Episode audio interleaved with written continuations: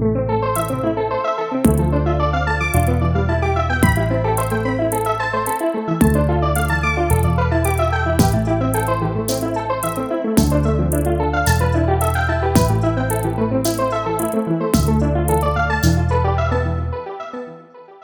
Dzień dobry, nazywam się Wojciech Lamik, jestem radcą prawnym i przewodniczącym Komisji do Spraw Nowych Technologii i Transformacji Cyfrowej przy Okręgowej Zbieractw Prawnych we Wrocławiu. Witam Was bardzo serdecznie w kolejnym odcinku drugiego sezonu podcastu Prawo Nowe Technologie. Jest ze mną również mecenas Joanna Skrzypiec, radca prawny, specjalistka z zakresu ochrony danych osobowych oraz członek naszej komisji. Dzień dobry Asiu. Dzień dobry, witam serdecznie. Dzisiaj porozmawiamy o gałęzi prawa, która w ostatnim czasie została poważnie znowelizowana. Mowa tutaj oczywiście o prawie pracy. Wprowadzono nowe regulacje, tak jak choćby instytucja pracy zdalnej. I wokół ostatnich zmian w prawie pracy powstało, jak to zwykle przy wprowadzaniu nowych rozwiązań, szereg wątpliwości. A o tym wszystkim porozmawiamy dzisiaj z naszym gościem. Dominika Dorek-Kolasa, doktor nauk prawnych, radczyni prawna, partner w Kancelarii Raczkowski, gdzie kieruje zespołem ochrony danych osobowych. Od wielu lat jest adiunktem w Katedrze Prawa Pracy i Polityki Społecznej Uniwersytetu Jagiellońskiego. Specjalizuje się w zakresie prawa pracy i HR, ochrony danych osobowych pracowników, ochrony dóbr osobistych zatrudnionych ze szczególnym uwzględnieniem mobbingu i dyskryminacji. Autorka licznych książek i publikacji akademickich i publicystycznych z zakresu prawa pracy i ochrony danych osobowych. Dzień dobry Dominiko. Dzień dobry, y, dzień dobry Joasiu, dzień dobry Wojtku, dzień dobry Państwu. Dominiko, niedawno, jak już wcześniej wspominałem, niedawno w kodeksie pracy zagościła między innymi instytucja pracy zdalnej. Powiedz nam proszę, czy te nowe regulacje zachęcą, czy też zniechęcą pracodawców do ich wprowadzania? Jeśli chodzi podejrzewam pracowników, to jest tylko w jedną stronę, którzy bardzo oczekiwali tych zmian, ale zastanawiam tutaj właśnie perspektywa tej drugiej strony. Tak, to prawda. Pracownicy oczekiwali tych zmian, dlatego że już często było podnoszone takie głosy, że siłą rzeczy pracownik pracujący z domu e, trochę bierze na siebie koszty związane z świadczeniem swojej pracy, które e, gdyby był e, w swoim miejscu pracy ponosiłby pracodawca. I tutaj właśnie dotykamy tego momentu, w którym pojawia się odpowiedź na Twoje pytanie, czy to pracodawców zniechęca, czy zachęca. E, właśnie w związku z tym, że e, wprowadzona praca zdalna do kodeksu pracy łączy się z koniecznością pewnej rekompensaty, nie wchodząc tutaj w szczegóły, dla pracowników e, no, kosztów związanych chociażby z energią elektryczną, czy też z użyciem wody, taką po prostu zwykłą eksploatacją. I najczęściej nasi klienci są zobligowani do płacenia ryczałtów, bo to jest najbardziej transparentny system rozliczeń i właśnie ci najwięksi, ci te duże korporacje, które tak naprawdę muszą sobie to przeliczyć przez skalę, tak, przez ilość pracowników, mm, którzy pracowaliby zdalnie, e, właśnie z uwagi na te koszty, mm, takie w ujęciu globalnym, e, to trochę odstraszyło tych pracodawców.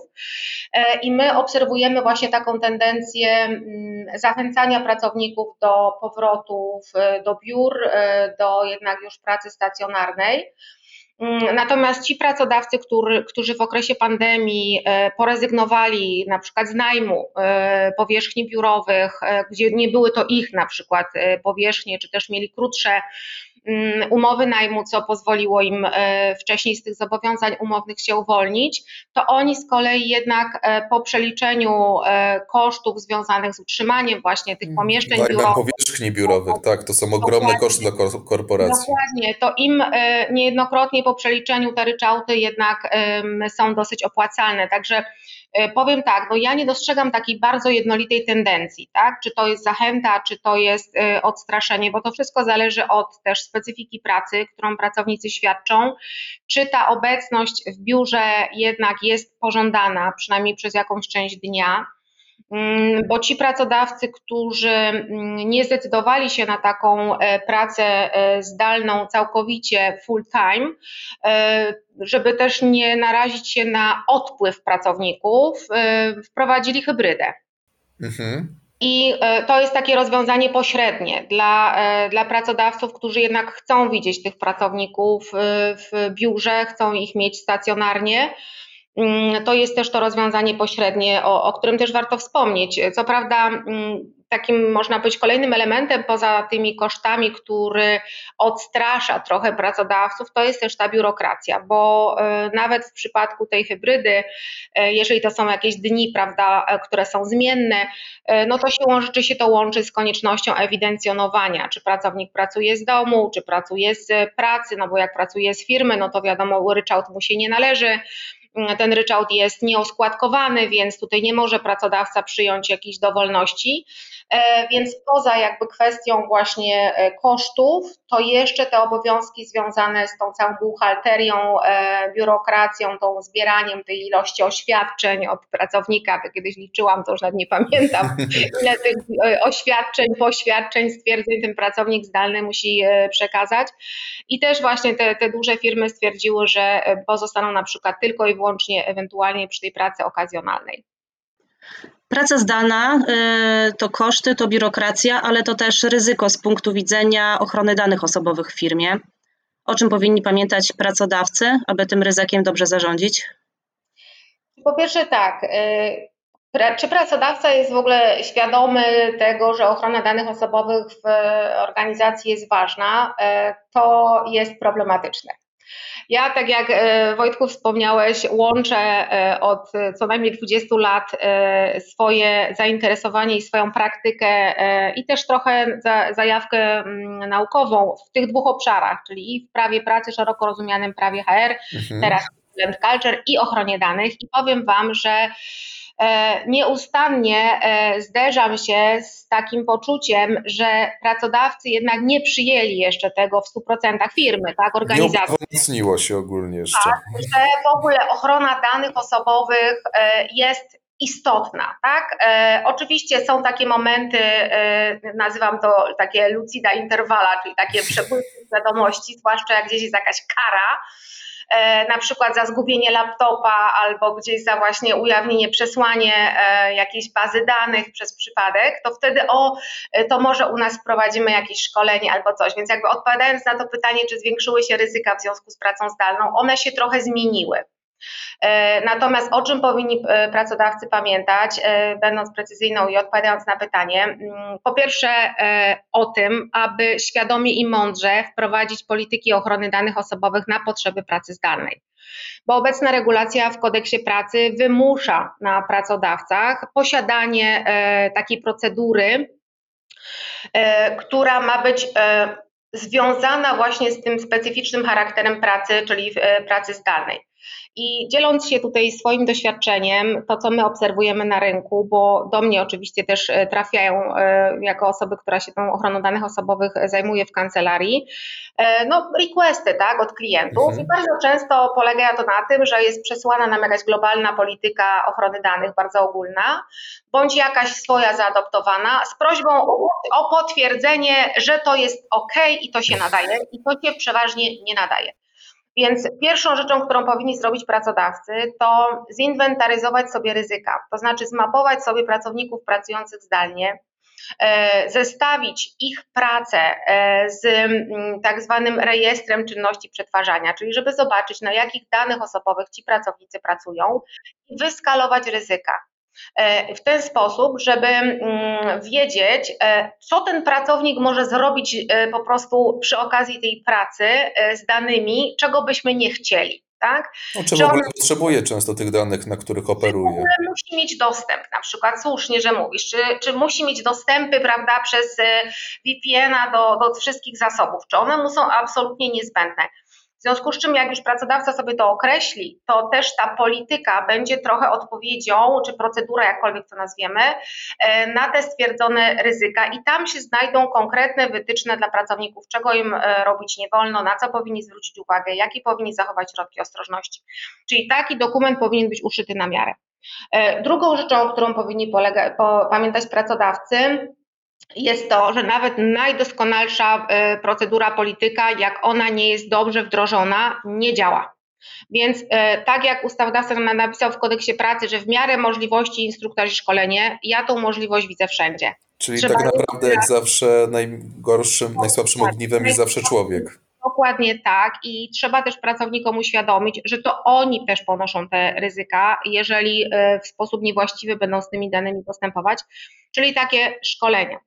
E, no i oczywiście, e, no, trochę to jest dziwnie, o czym powinni pamiętać. O szeregu rzeczy. Ja bym Was tutaj zagadała przez półtorej godziny, bo pracodawcy nie pamiętają o chociażby tym, żeby osoby, które mają dostęp do danych szczególnej kategorii, posiadały pisemne upoważnienia. Mm, ktoś może powiedzieć, a to jest bzdura, po co komu pisemne upoważnienia? No, z kodeksu pracy to wynika, ale wiadomo, y, no, nie boimy się nadmiernie inspekcji pracy, mm, że akurat to się y, jak, w jakiś sposób zdiagnozuje i dostaniemy na przykład za to mandat. Ale dlaczego te pisemne upoważnienia są istotne? Bo jak klient, pracodawca dojdzie do tego, że ma wystawić 350 upoważnień do przetwarzania danych szczególnej kategorii, to on się wtedy zastanowi, czy aby my musimy tyle dać. I to jest bardzo fajny mechanizm pozwalający na zweryfikowanie, zrewidowanie. Mhm.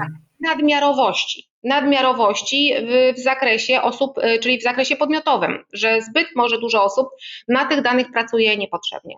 Więc jakby nie zagadując tematu o tym, o czym powinni pracować, y, pamiętać pracodawcy, skoncentruję się jakby właśnie na e, tych procedurach, politykach, bo niektórzy wolą to nazywać politykami ochrony danych na potrzeby pracy zdalnej, podkreślam to, zmapowaniu tych procesów e, pracowników, określeniu ryzyk, E, i przeszkoleniu bardzo dobrym e, osób pracujących zdalnie przez pokazanie takich incydentów przykładowych, bo uczymy się na przykładach najlepiej, nie na teorii.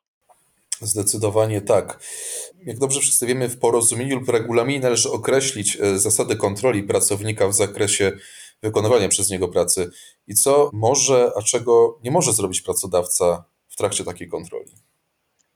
Znaczy tak, po pierwsze, my to możemy określić z przepisu, e, nie, niekoniecznie musimy i niektórzy pracodawcy twierdzą, że oni nie będą kontrolować pracownika. E, I to jest pierwsze ryzyko, na które należy zwrócić uwagę, bo my wtedy trochę na żywioł puszczamy zarówno ryzyka e, z zakresu BHP, jak i właśnie z ochrony danych, ochrony tajemnic i też jakby sposobu świadczenia pracy przez tego pracownika. Więc my osobiście rekomendujemy klientom, aby te zasady kontroli były wprowadzone. E, z czym się mierzy tutaj pracodawca? Z wyważeniem e, mm, dóbr prawnie chronionych, tak? Bo z jednej strony mamy e, dbałość o dobro zakładu pracy, właśnie ochronę tajemnic, mienia pracodawcy, a z drugiej strony mamy to prawo pracownika do prywatności. I to, co w tych procedurach kontroli powinno mieć znaczenie, to właśnie postawienie takiej sensownej granicy, która nie doprowadzi e, e, pracodawcę do ryzyka naruszenia prawa do prywatności. I jakie to są metody kontroli? One się trochę łączą z monitoringiem, z inną formą monitoringu, bo ustawodawca, jak się czyta naszą tą uzasadnienie do nowelizacji, chyba sobie wyobraził, że przedstawiciele pracodawcy będą pukać do mieszkań pracowników i jakby fizycznie E, przychodzić, siadać sobie na stołeczku i obserwować, jak ten pracownik pracuje. E, no, tak to wygląda. Ja, tak, dość fantazyjne ogólnie. No, ewidentnie fantazyjne, ale jak, zobaczcie, jak, jak to jest sformułowane, jak się czyta i ten przepis, i uzasadnienie, to chyba ustawodawca tak sobie to wyobrażał. Prawda jest taka, że nikt z pracodawców, przynajmniej nie spotkałam się z takim, który w ogóle kiedykolwiek rozważał opcję, że ktoś będzie chodził do domu do pracownika. I my te kontrole wykonujemy bezszelestnie nieraz, tak? tak trochę z tylnego siedzenia, bo na przykład monitorujemy e, faktyczne e, korzystanie przez pracownika na przykład z programów służących do wykonywania pracy, o której się zalogował, o której rzeczywiście świadczył tamtą pracę, a nie tylko ruszał palcem e, po prostu po touchpadzie, żeby mu się nie wygasiło. E, I to jest co przy o kontroli powinien pracodawca pamiętać? Pełna transparentność. Wszelkie działania, które są e, prowadzone bez wiedzy pracownika, e, mogą być uznane za nadmierną ingerencję, za zbieranie danych osobowych bez e, podstawy prawnej. A wiemy, że tutaj jest taka pułapka, którą nam ustawodawca przyszykował, a polega ona na tym, że inna forma monitoringu, jeżeli się odbywa, to powinna być uregulowana w regulaminie pracy a nie w regulaminie pracy zdalnej. E, I są pracodawcy, których dopiero trzeba przekonać i im to uzasadnić, że to jest co innego, że jeżeli ta kontrola, którą wy projektujecie i jak ja słyszę, jak ona będzie przebiegać i jakie dane będą zbierane, i wychodzi mi ewidentnie, że będzie to inna forma monitoringu, tak? bo będzie to zamierzony proces według określonych kryteriów, e, później będą raporty z tego mm, generowane, e, to trzeba to uregulować w regulaminie pracy a w regulaminie pracy zdalnej bądź w porozumieniu obojętne można najwyżej zrobić odesłanie, tak, że kontrola odbywa się na zasadach określonych w regulaminie pracy, bo tam jest miejsce dedykowane dla mm, kontroli pracy zdalnej. To, co jakby ja widzę z takich rzeczy, które również są ryzykowne, to to, że pracodawca najpierw nie dowie się jednak dokładnie, e, czyli nie mm, wykona zadania domowego w postaci uzgodnienia z pracownikiem jednak szczegółów dotyczących tego, e, gdzie tak naprawdę on będzie świadczył pracę, bo przyjmijmy, że na przykład jeżeli pracownik nie ma pomieszczenia w swoim mieszkaniu, w którym może się zamknąć tak, i uczestniczyć na przykład w wideokonferencjach, uczestniczyć e, w spotkaniu z przełożonym, który go poprosi o włączenie kamery i pokazanie e, otoczenia tak, najbliższego. Jest po prostu w stanie zapewnić poufność w wykonywaniu swojej funkcji. E, czy jest wszystko ok, tak? Czy na przykład za jego plecami nie siedzi pięciu kolegów i nie grają w gry, słysząc wszystko, co on na przykład podczas jakichś rozmów telefonicznych, jakie informacje podaje. E, to może się okazać, że ten pracownik pracuje e, w tak zwanym open space domowym, gdzie jest salon, kuchnia i jeszcze pokój, gdzie przebywają domownicy. Więc e, aby nie doszło do tego naruszenia prawa do prywatności, też pracodawca faktycznie, tak jak jest w kodeksie, powinien dostosować te metody kontroli do tego miejsca, w którym pracownik świadczy pracę. Więc da się to zrobić, tylko jednak no, wymaga to jak wszystko e, no, działania z głową, prawda, a nie e, tutaj na szybko, żeby cokolwiek e, było wprowadzone. A trochę te regulacje były wprowadzone na szybko. Czyli tak? żeby nie było to dla sztuki po prostu robione. Tak, wszyscy działali pod presją czasu, słuchajcie, no bo jak zawsze mieliśmy za mało czasu, tak? Ustawodawca nas tak lubi po prostu, wiecie, ćwiczyć, tak, w boju. E, A gdzie są, granice, gdzie są granice monitorowania pracownika zdalnego? I na ile może sobie pracodawca pozwolić? Słuchajcie, no, Amerykanie mówią tak, że prywatność pracownika e, tak naprawdę e, kończy się za drzwiami jego mieszkania, bo po, e, po tym, e, od tego czasu e, tak naprawdę podlega różnym rodzajom inwigilacji. Tutaj mamy ten problem, że pracownik za te drzwi nie wychodzi, tylko pozostaje, pozostaje u siebie E, w mieszkaniu, więc ja bym tę granicę wyznaczyła przez zakres dostępności pracownika. E, czyli jeżeli on w tych godzinach, w którym ma pracować, jest dostępny e, dla pracodawcy, to też kwestia jego kontroli powinna być możliwa do zrealizowania w tym czasie. Aczkolwiek powiem Wam, że z dosyć ciekawym spostrzeżeniem się spotkałam na jednej z konferencji właśnie poświęconej ochronie danych osobowych w pracy zdalnej, gdzie osoby zajmujące się bezpieczeństwem e, systemów informatycznych zwróciły uwagę na to, że pracodawcy powinni też obligować pracowników do pewnej dostępności, czyli współdziałania, czyli włączenia na przykład kamery, jakiegoś skanera, screeningu, e, także po godzinach pracy. Na przykład wtedy, gdy system wysyła na przykład alarm, że coś się dzieje z danymi, tak? że jest jakiś odpływ, że jest jakieś e, kopiowanie danych, że coś się dzieje niestandardowego. I jak my napiszemy pracownikowi, że e, kontrola odbywa się tylko w godzinach jego pracy, a okaże się na przykład, że to jest godzina 22 i IT tam e, bije na alarm, tak, że, że coś się dzieje, że, że z tego komputera na przykład pracowniczego jakiś przepływ danych niestandardowy ma miejsce, a pracownik powie nie, no przepraszam bardzo, no ja jestem po godzinie, to już po 22 to już prawie praca w porze nocnej.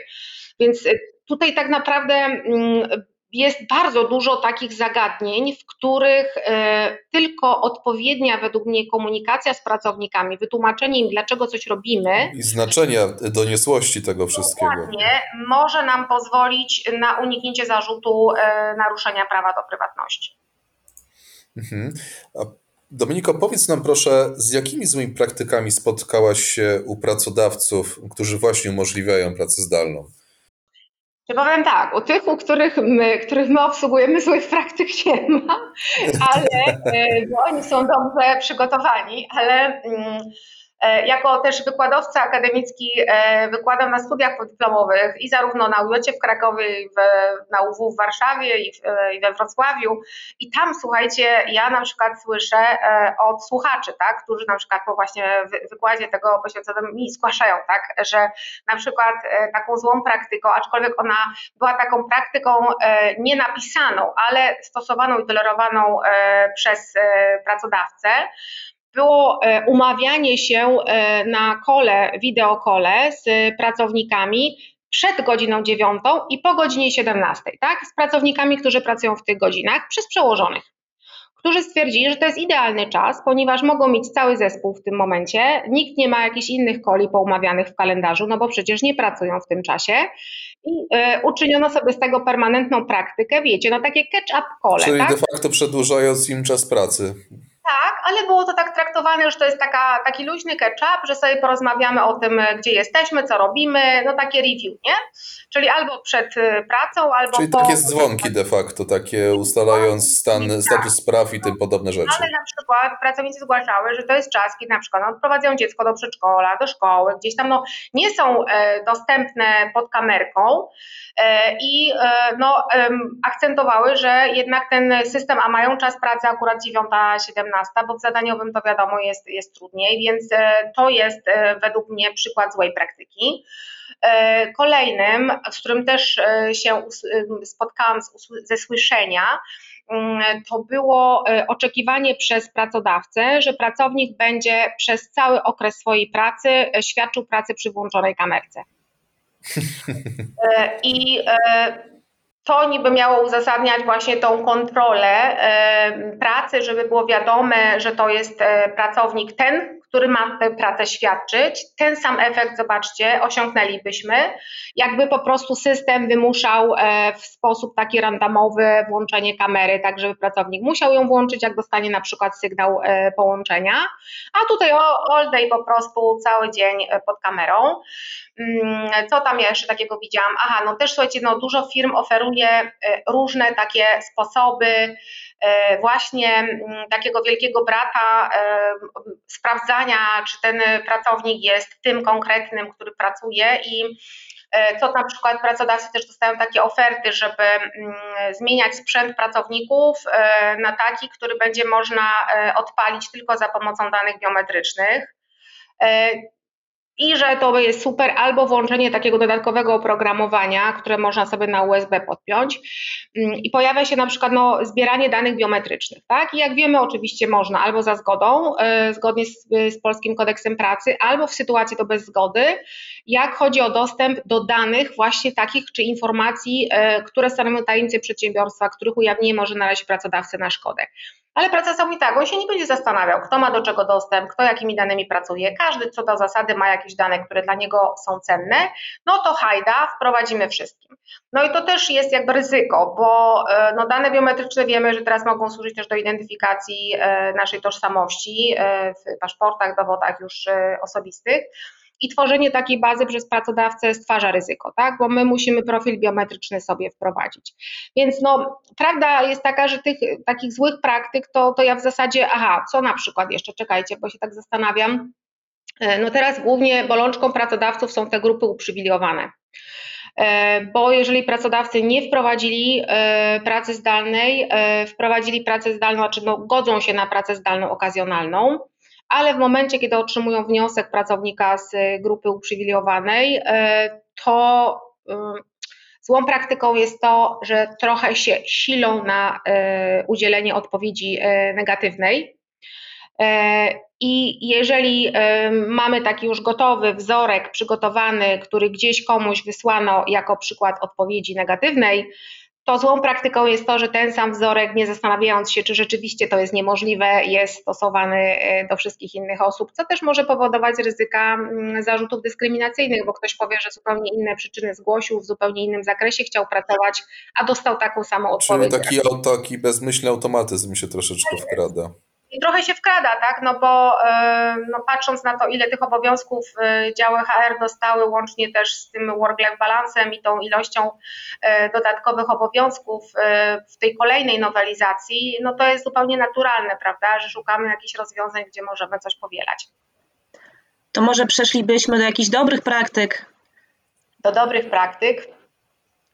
No, dobrymi praktykami jest y, też czasem to, czekajcie, pomyślę, co by takiego fajnego było, bo generalnie dobrą praktyką jest to, jak pracodawca wprowadza e, jakiekolwiek nowe e, rozwiązania właśnie w sposób takiej otwartej e, komunikacji.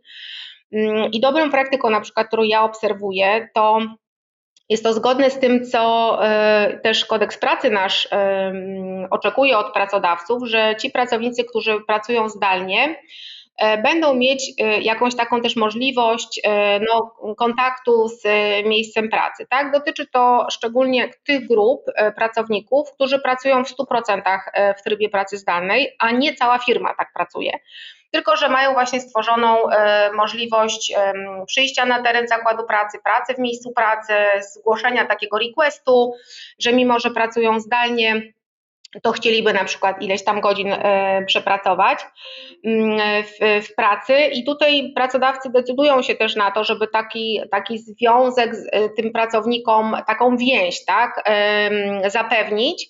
E, nawet biorąc pod uwagę to, że będzie się to łączyło z tym, że trzeba będzie zobaczyć na ten ryczałt, prawda, żeby jego odpowiednio umniejszyć.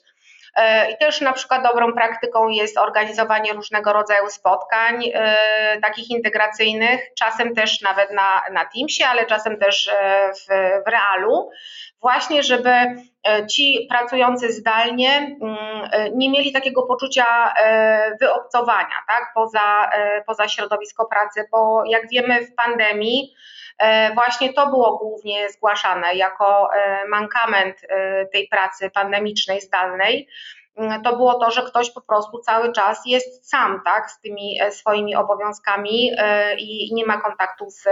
Że tak naprawdę drugi człowiek jest traktowany jako aplikacja w komputerze albo w telefonie, tak, do której się odzywa człowiek.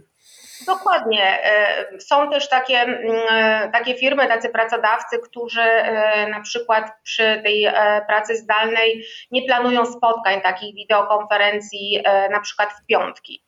E, albo e, mają taki, taką zasadę, że wideokonferencje te wewnętrzne, no bo wiadomo, jak klient tam e, sobie wymyśli spotkanie, to każdy się dostosuje, ale na przykład w poniedziałki tam powiedzmy do godziny 10 czy 11 dla takiego rozruchu właśnie tygodniowego, takie wewnętrzne na przykład telekonferencje nie są organizowane. To też według mnie jest takim przykładem dobrej praktyki do, do naśladowania.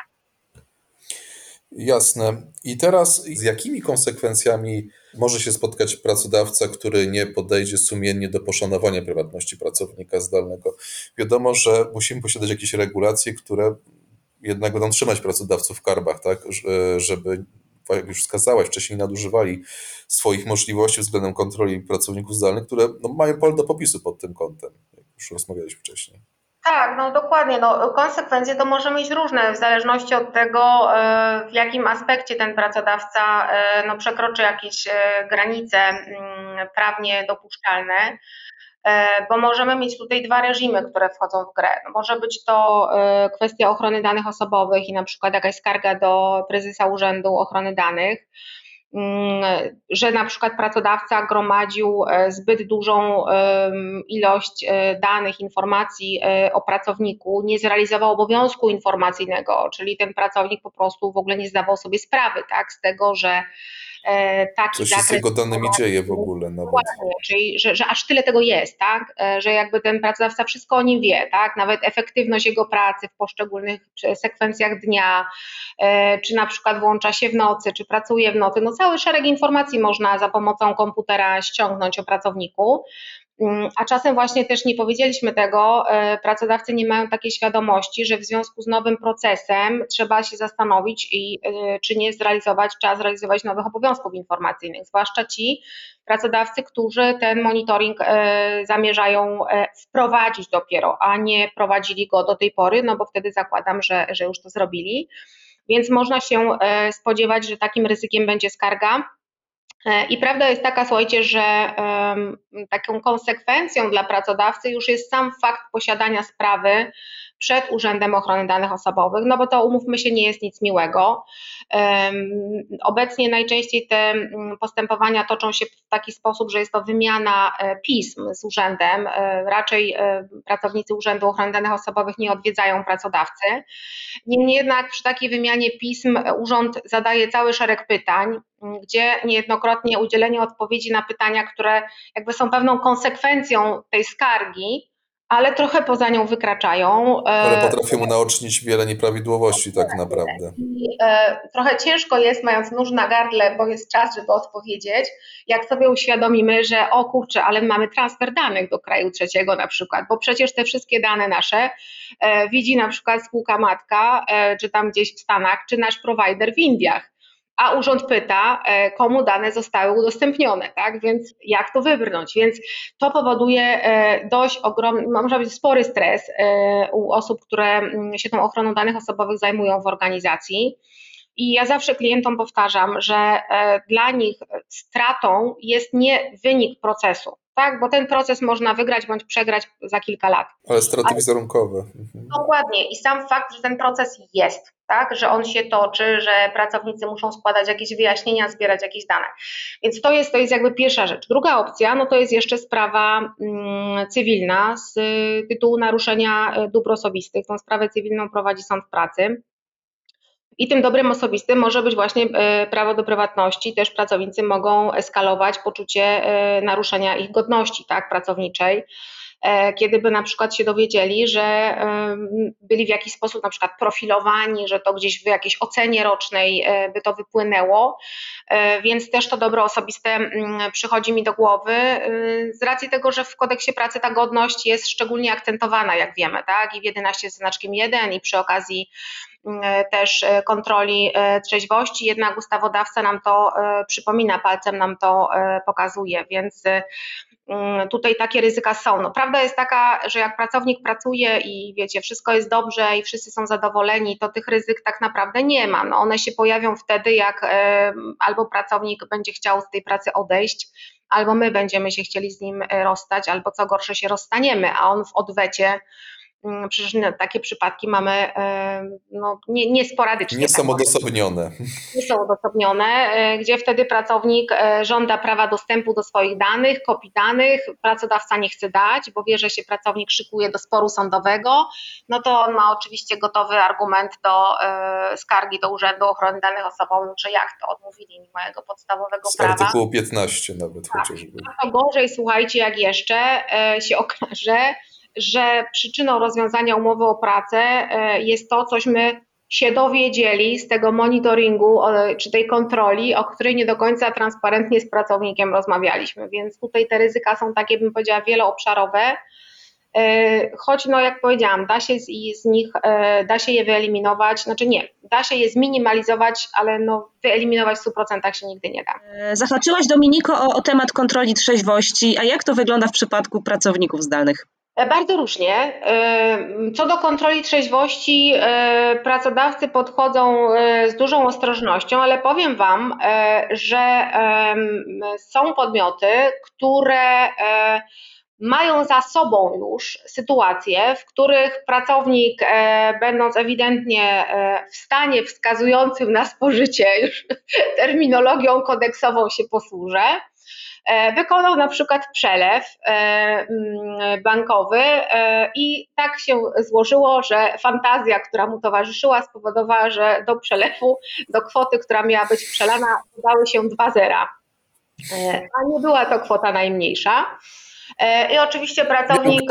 Ogólnie w szczerości swojej, biczując się, dlaczego tak się stało, no powiedział tak, że był na lunchu, E, miał przerwę oczywiście, no i podczas tego lunchu tam e, spożył, a że było gorąco, e, to spowodowało to, że on jakby niechcąco ten przelew taki wykonał. Mieliśmy też przypadek, gdzie pracownik włączył się na telekonferencję, wideokonferencję z bardzo ważnym kontrahentem naszego pracodawcy, bardzo takim może kluczowym pod względem finansowym. I był ewidentnie, bym powiedziała nawet chyba bardziej niż w stanie po spożyciu. Szczęśliwie dla pracodawcy na tej wideokonferencji uczestniczył jeszcze przełożony, który widząc co wyrabia jego podwładny po prostu wyłączył mu mikrofon i wyłączył go po prostu z tej, z tej wideokonferencji. I e, jakby takie historie, które gdzieś tam są doświadczone przez pracodawców, skłaniały jednak ich do tego, żeby uświadomić pracownikom pracującym zdalnie, że obowiązek trzeźwości e, i zakaz e, spożywania w, w momencie, kiedy, czy w tym czasie, kiedy pracownik ma pracować, zarówno czy alkoholu, czy środków działających podobnie do alkoholu jest absolutnie zabronione.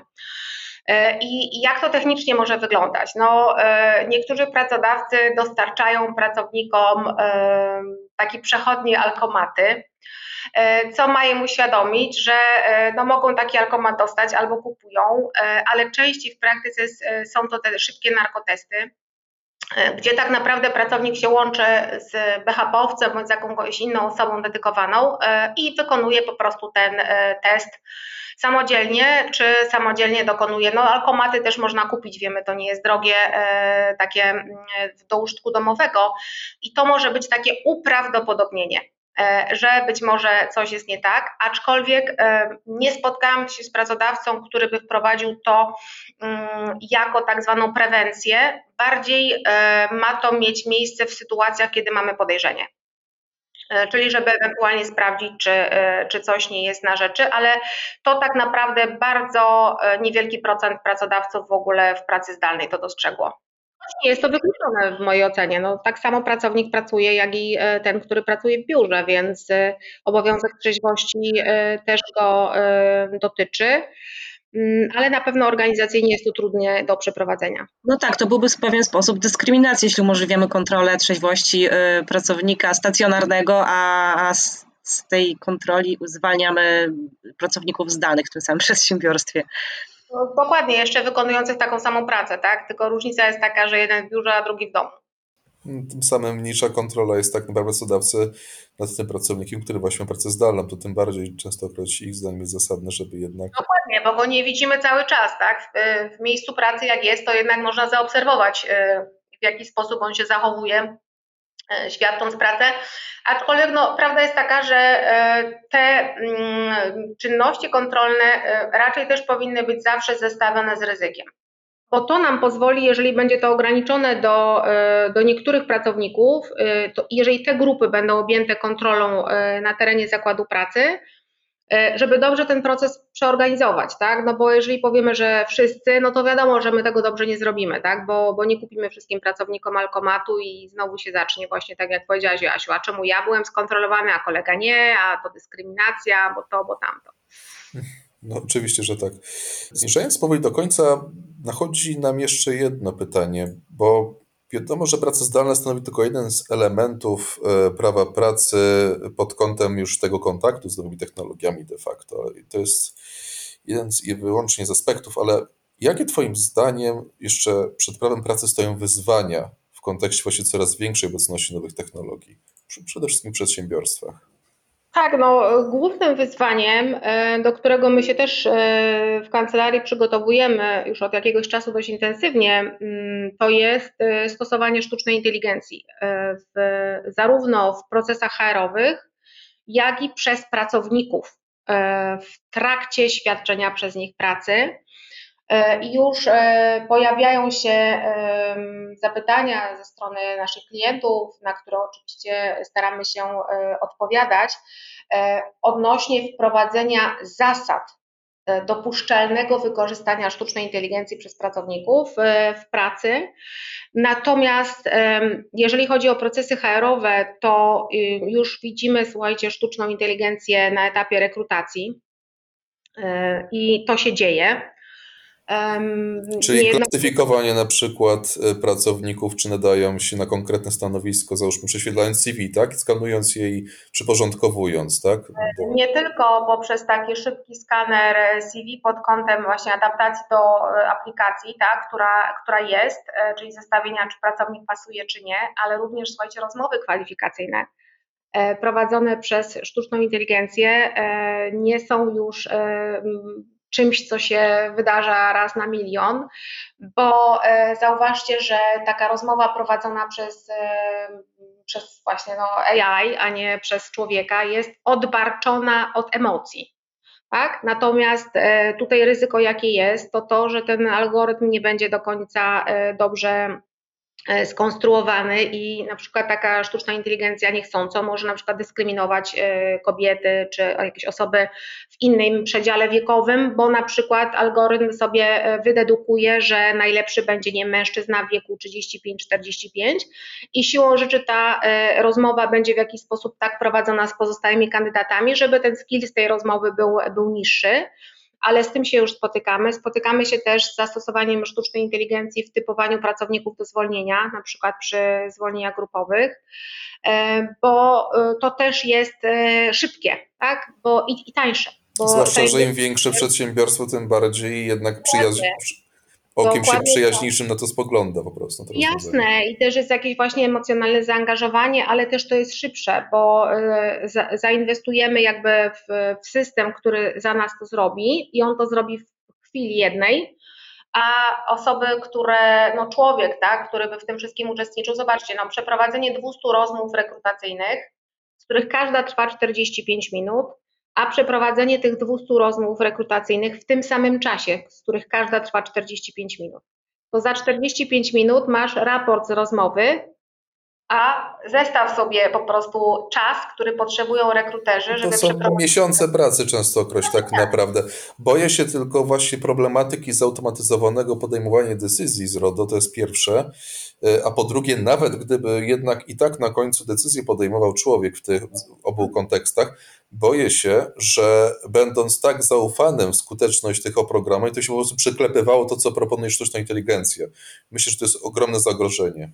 Tak, ja też takie zagrożenie dostrzegam e, i powiem Wam, że e, właśnie zawsze klientów przed tym przestrzegamy, bo e, o ile wiecie, jak pomyli się człowiek, to on się pomyli na przykład co do, nie wiem, jednej aplikacji, tak, bo nie wiem, kandydat go oczaruje, nie wiem, zastosuje techniki manipulacji, a przy błędnym ustawieniu algorytmu, tak, przy zastosowaniu sztucznej inteligencji, no może mieć cały proces e, rekrutacyjny e, wyrzucony, tak, więc jak ktoś e, chce wierzyć ślepo w to, co wypluje sztuczna inteligencja, to ja proponuję zadać czatowi zadanie, żeby coś za Was napisał.